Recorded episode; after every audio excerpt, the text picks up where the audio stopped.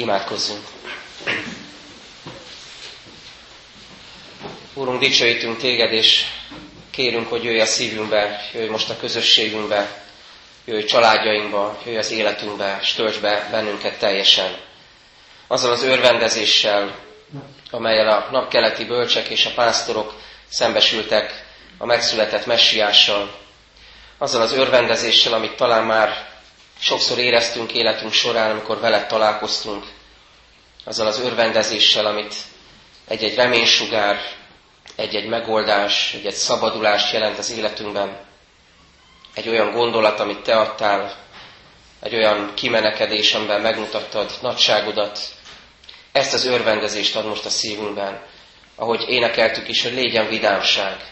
De olyan vidámság, olyan öröm, ami nem felületes, ami nem álságos, ami nem olyan vidámság, olyan felületes vidámság, amit a világban sokszor tapasztalunk, amely múlékony, hanem olyan igazi örvendezést adj.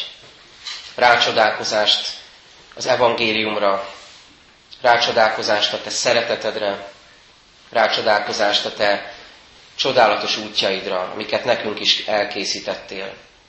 Kérünk, légy most közöttünk, és engedd, hogy amikor igédre figyelünk, akkor igazán megnyíljon a szívünk. Örvendező szívvel tudjuk meglátni azt az üzenetet, amit személyesen elkészítettél nekünk. hogy így tudjunk dicsőíteni az énekszóban, az imádságban és az ígére figyelésünkben is. Légy közöttünk és szenteld meg ünneplésünket. Amen. Isten igét olvasom Máté evangéliuma első részéből, az első rész 18. versétől kezdve a 25. versig. Jézus Krisztus születése pedig így történt. Anyja Mária jegyese volt Józsefnek. De mielőtt egybekeltek volna, kitűnt, hogy áldott állapotban van a Szentlélektől. Férje József igaz ember volt, és nem akart őt megszégyeníteni, ezért elhatározta, hogy titokban bocsátja el. Amikor azonban ezt végig gondolta magában, íme az úrangyala megjelent neki álmában, és ezt mondta. József, Dávid fia, ne félj magadhoz venni feleségedet Máriát, mert ami benne fogant, az a szent lélektől van. Fiút fog szülni, akit nevezzel Jézusnak, mert ő szabadítja meg népét bűneiből. Mindez pedig azért történt, hogy beteljesedjék, amit az Úr mondott a próféta által. Íme a szűz foga méhében fiút szül, akit Immanuelnek neveznek, ami azt jelenti, velünk az Isten. József pedig, amikor felébredt álmából, úgy cselekedett, ahogyan az Úr angyala parancsolta neki. Magához vette feleségét, de nem érintette addig, amíg meg nem szülte fiát, akit Jézusnak nevezett el.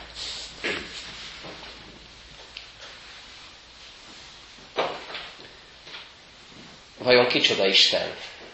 Nagyon egyszerűnek tűnő kérdés ez. És mégis nehezen találjuk sokszor rá a választ, vagy sok ember életében nehéz erre a kérdésre választ találni. Kicsoda Isten? Milyen Isten? Figyel -e ránk? Érdekeljük-e egyáltalán? Vajon ami velünk történik, vajon ami bennünket ér a hétköznapokban, sorsfordító eseményekben, mélységekben, vajon ez érdekli-e Istent? Vajon törődik-e velünk? Vajon lehet-e nekünk személyes kapcsolatunk vele?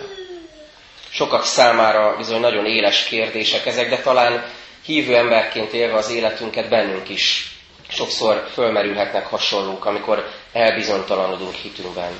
Kicsoda Isten számunkra.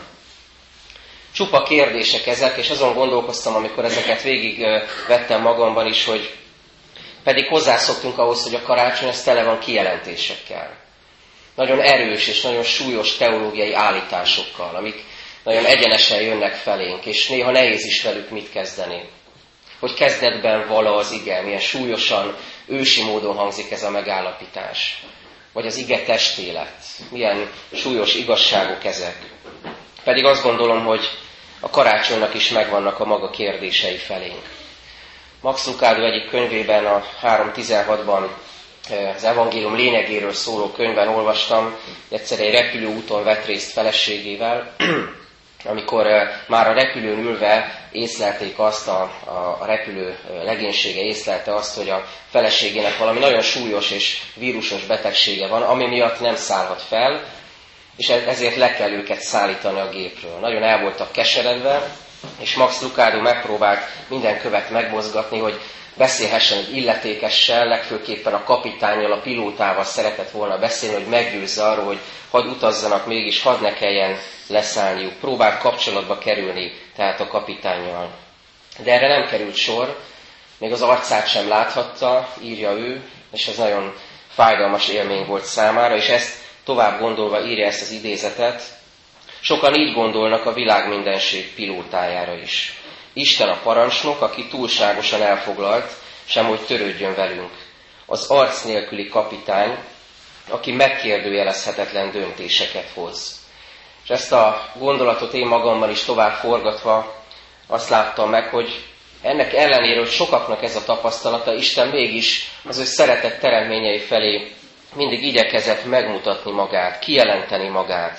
És mégis legcsodálatosabb és legmegrázóbb és legkézzelfogható módon éppen karácsonykor Jézus Krisztus megszületésében mutatta meg az ő arcát. Ebben a törékeny, síró, éppen megszületett csecsemőben, egy hideg istálóban. Mert úgy szerette Isten a világot, hogy az ő egyszülött fiát adta, hogy aki hisző benne el ne vesszen, hanem örök élete legyen. Ezért talán nem is azt kell kutatnunk, hogy kicsoda Isten, hanem inkább ezt a kérdést kell most föltennünk karácsonykor mindannyiunknak személyesen, hogy mit tesz Isten. Ő szabadítót küld, erről szól ez az ige, amit felolvastam. Engedjétek meg, hogy erről hadd szóljak néhány gondolatot, de nem úgy, hogy ez általánosan szól hozzánk, hogy globálisan igaz, hogy Isten szabadítót küldött ennek a világnak, hanem azt kell meglátnunk, testvéreim, az örömhír lényegében, hogy Jézus Krisztus, ami személyes szabadítónk. Ez most karácsony kérdése hozzánk, hogy vajon van-e szabadítónk. Az első, ami fontossá vált az igében, hogy Jézus, mint szabadító, megszabadít arra, hogy a saját akaratunkat Isten akaratára cseréljük. A felolvasott igében Józsefről olvasunk, aki ízig-vérig ember. És Máté evangéliumának a kezdete is rendkívül emberi. Hogyha elolvassuk, ha vesszük a fáradtságot, hogy egy hosszú nemzetség táblázatot olvasunk, Ábrahámtól Józsefig, Jézusig valójában, és ez a nemzetség táblázat háromszor 14 nemzedékről beszél, 42 emberöltönyi időt ölel fel Ábrahámtól Józsefig, és ott van ebben az emberiség ö, ö, emberségének a továbböröklése, és ugyanakkor még valami, a hitnek az útja, hogy mi az, ami összeköt bennünket Istennel. És ezt volt jó meglátni, hogy mi az, ami közös Ábrahámban, az ősatyában, akivel kezdődik a nemzetségtáblázat, és Józsefben, Jézus apjában, mi a közös, az, hogy a saját akaratukat félretéve képesek hitbeli döntést hozva szabadon engedelmeskedni Istennek. Nézzük csak, hogy amikor kiderül, hogy Mária gyermeket vár, akkor mi Józsefnek a megoldása. József igaz ember volt, olvassuk róla, vagyis mások által megbecsült, irgalmas szívű ember volt, és ezt olvassuk róla, nem akarta Máriát megszégyeníteni, ezért elhatározta, hogy titokban bocsátja el. Milyen jó szívű megoldás ez. Az ember élete sokszor tele van ilyen jó szándékú megoldásokkal. Keressük az Úr akaratát, és, és sokszor nem arra találunk rá először, hanem a saját szívünkből fakadó, emberi jóságra épülő megoldásokat keressük. Hiszen azt mondjuk, mi jó akarattal tesszük, amit teszünk. Biztos, hogy célba fog jutni, amit mi szeretnénk, amit mi tervezünk. József is így lehetett ezzel. És azt látjuk, hogy Isten másként gondolta ezt. Nem az emberi jószívűségre épített, hanem az ő szent akaratára. És ezt nagyon fontos meglátnunk az igében, hogy József szabad volt arra, hogy teljesítse az Úr akaratát, és a nehezebbnek látszó utat válassza ezáltal. Rá tudott állni a Jézus általi szabadítás útjára. Jézus tehát szabadító az életünkben. Ez az első, amit az igénk elénk hoz, és ebben szeretne elmélyíteni minket, vagy megerősíteni minket, hogy felszabadítson, hogy megszabadítson arra, hogy félretegyük az önző énünket, a rutinos megoldásainkat, a nagyszerűnek tűnő, nagyívű elképzeléseinket, a brilliáns ötleteinket, és elfogadjuk végül Isten akaratát. Erre biztat az ige most először, hogy kezdjük ezt el, mert ez az igében ott van, de ezt gyakorolni is kéne. Kezdjük ezt el a saját szívünkben, a saját családunkban, rögtön, amikor hazamegyünk. Egy családi együttlét, egy ünnep is rengeteg olyan helyzetet hordoz magával, amikor a saját gondolatunkat, akaratunkat háttérbe kell szorítani, félre kell tenni, és a másikért lehet irgalmasan és szolgáló lélekkel cselekedni. Kezdjük ezt el tehát a családunkban is, a gyülekezetünkben is, és folytassuk a munkahelyünkön, majd a hétköznapokban is, mert ezt is érdekes volt meglátni, amikor ezen a történeten gondolkodtam, hogy a karácsony számunkra ünnepnap, vagy szoktuk mondani piros betűs ünnep, ott van a naptárban, jelzi is számunkra. De amire emlékezünk, az egy sima hétköznap volt. Bár megmozdultak az emberek, bár névszámlálás volt, de mégiscsak egy hétköznapi esemény volt, vagy hétköznap volt az, amikor Jézus Krisztus megszületett. De számunkra itt van a kapcsolat az ünnep és a hétköznap között, hogy mi most, amikor az ünnepen emlékezünk erre, ennek akkor van egyáltalán értelme, hogyha utána megtaláljuk az utat a hétköznapokhoz, az evangélium által átitatott szívvel. A másik, amit látunk ebben az igében, hogy Jézus, mint szabadító, megszabadít arra is, hogy észleljük, hogy érzékeljük a Szentlélek munkáját. Mert mit is mond az angyal? Megjelent Józsefnek álmában, és azt mondta, József, Dávid fia, ne félj magadhoz venni feleségedet Máriát, mert ami benne fogant, az a Szentlélektől van. Ami itt és most történik, mondja az angyal, mondja rajta keresztül az Úr, az a Szentlélek munkája. Nem véletlen történés, nem kellemetlen körülmény, nem kínos baki, nem szerencsétlenség, nem összeesküvés, nem sorscsapás, nem büntetés, mint ahogy ezt egy külső szemlélő érzékelné, hanem a Szentlélek munkája, maga az élet.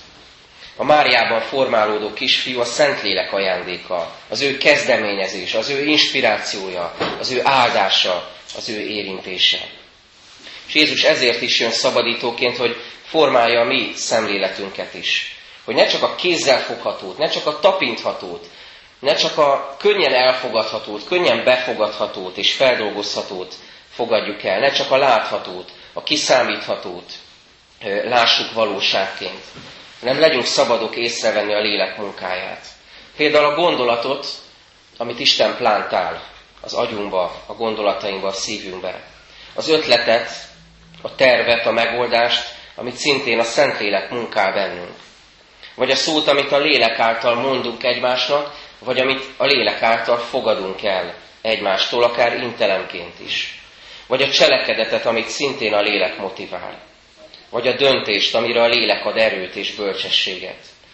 Vagy a belső hangot, amit nagyon nehéz exakt módon leírni, hiszen itt lelki történésről van szó, de a belső hangot, ami nem hagy nyugodni, ami inspirál, ami buzdít valamire, vagy éppen azt a belső hangot, ami lecsendesít, ami békességet ad szintén a szívünkben. A művészek kapcsán szoktuk használni ezt a szót, hogy inspiráció.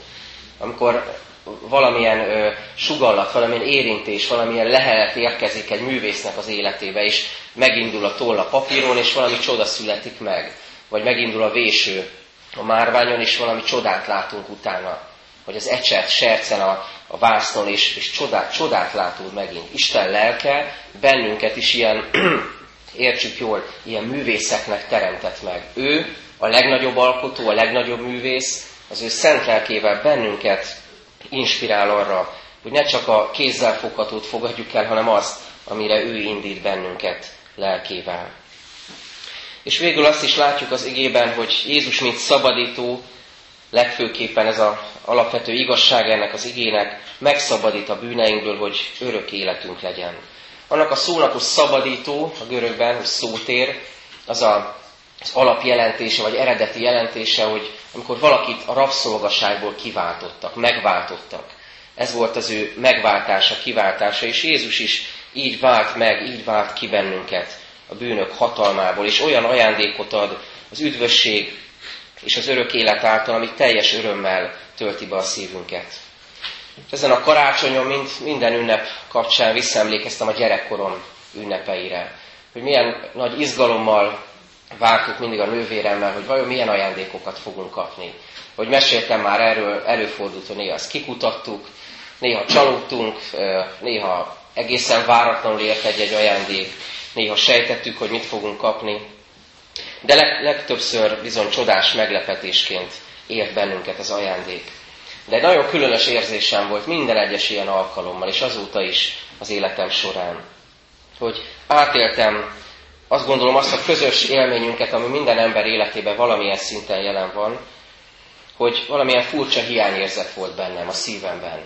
Különös erről beszélni, mert a karácsony mindig az öröm ünnepe, és örvendezésben vagyunk együtt. És mégis volt néha hiányérzet. Mert azt tapasztalom, és azt tapasztalhatjuk, hogy bármit is ér el az ember, bármit szerez meg, bármit kap meg, bármit gondol el és, és visz véghez, bármilyen sikereket ér el, bármit tapasztal, a végén mindig lesz valamilyen furcsa hiányérzet a szívében, valamilyen furcsa hiány megtapasztalása az életében. Még a legjobb élmények után is. De miért van ez? Ahogy Lész Paszkál is fogalmazza, mert minden ember szívében Isten alakú űr lakik. Mert mi magunkat és egymást nem tudjuk boldoggá tenni. Mert nem egymástól és nem magunktól kell várni a boldogságnak az ajándékát és kiteljesedését. Mert csodálkozhatunk az ajándékokon, és örömet okozhat a számunkra, és fantasztikus dolog együtt lenni a családtagjainkkal, de nem ettől kell várnunk az életünk boldogságát, hanem Jézus Krisztustól, aki a szabadító. Ő szabadít meg teljes és boldog életre, az ő dicsőségére, az ő szeretetében, és egymás szeretetében is. És így lehetünk szabadok arra, hogy eh, az ő akaratát tudjuk cselekedni, ahogy József is. Hogy tisztán szóljunk, hogy ne káromkodjunk, hogy törekedjünk a békességre, szabadok lehetünk arra, hogy önzés helyett tudjunk szolgálni, önmagunkat megtagadva. Szabadok lehetünk arra, hogy számonkérés helyett tudjunk szeretni, tudjuk elfogadni egymást, és tudjuk az élet ajándékait is igazán megbecsülni, amiket Isten ad nekünk. Hogy az igen mondja, akiket a fiú megszabadít, azok valósággal szabadok. Én azt kívánom mindannyiunknak, testvéreim, hogy, hogy este majd bontogatjuk az ajándékokat, vagy rácsodálkozunk a családi együttlét örömére, és örülünk egymásnak, és örülünk az életnek. Jusson eszünkbe ezekről az ajándékokról, és ezekről az ajándékba kapott pillanatokról. A legnagyobb ajándék maga Jézus Krisztus, a szabadító. Legyen ő a legteljesebb és legszebb ajándék mindannyiunk számára. Amen. Csöndesedjünk el és imádkozzunk. Köszönjük Úr Jézus Krisztus, hogy Te vállaltad, hogy lejössz közénk a földre. Köszönjük, hogy ezt nem olyan módon tetted, mint ahogy sokan tennék a helyedben, vagy Istenként, vagy királyként, uralkodóként, hanem egészen különös módját választottad ennek az útnak, hogy eljuss hozzánk szívünkhöz. Hálásak vagyunk a Te ajándékodért, önmagadért, dicsőítünk Téged, és Téged vallunk királynak és úrnak. De arra is kérünk, hogy formáld a szívünket, a szemléletünket, az életünket, hogy Téged láthassunk valóban Úrnak, és alávethessük magunkat, és az akaratunkat a Te akaratodnak. Hogy igazán hittel tudjuk kimondani az Úr imádságban is, hogy legyen meg a Te akaratod. Kérjük, hogy teted igazán áldottá és boldoggá a mi ünneplésünket. Köszönjük, hogy megajándékozol bennünket családtagjaink jelenlétével, szeretetével, ajándékaival. És kérünk, emlékeztes ezeken keresztül is arra, hogy mit jelent, hogy Te vagy az ajándék. És kérünk azokért, akik magányosan ünnepelnek, vagy kérünk azokért a testvéreinkért, akik betegágyon, vagy kórházakban, vagy otthonokban töltik az ünnepet, vagy kérünk azokért az ismerőseinkért, vagy néha a gyülekezetbe betérő testvéreinkért, akik az utcán vagy, vagy valami elhagyatott helyen töltik az ünnepet, hogy a te jelenléteddel, a te szent lelkeddel, ajándékozó kegyelmeddel őket is vett körül, és enged, hogy ha van rá lehetőségünk, segítsük őket. Ne feledkezzünk el róluk szükségükben, ahogyan te is kitaszított voltál, mert nem volt a szent család számára hely a szálláson, így át tudod érezni az ő szükségüket. Segíts, hogy bennünk is ott legyen ez az irgalom és szeretet.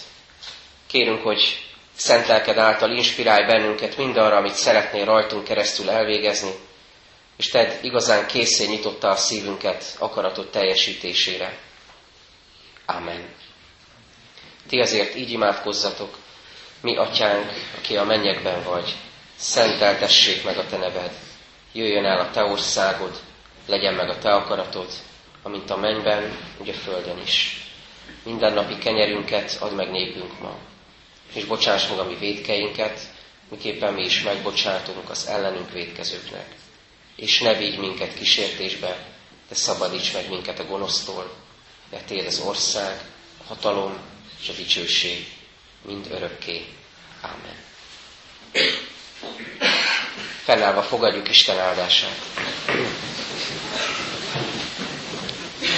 Mert úgy szerette Isten a világot, hogy az ő egyszülött fiát adta, hogy aki hisz ő benne, el ne vesszen, hanem örök élete legyen. Ámen.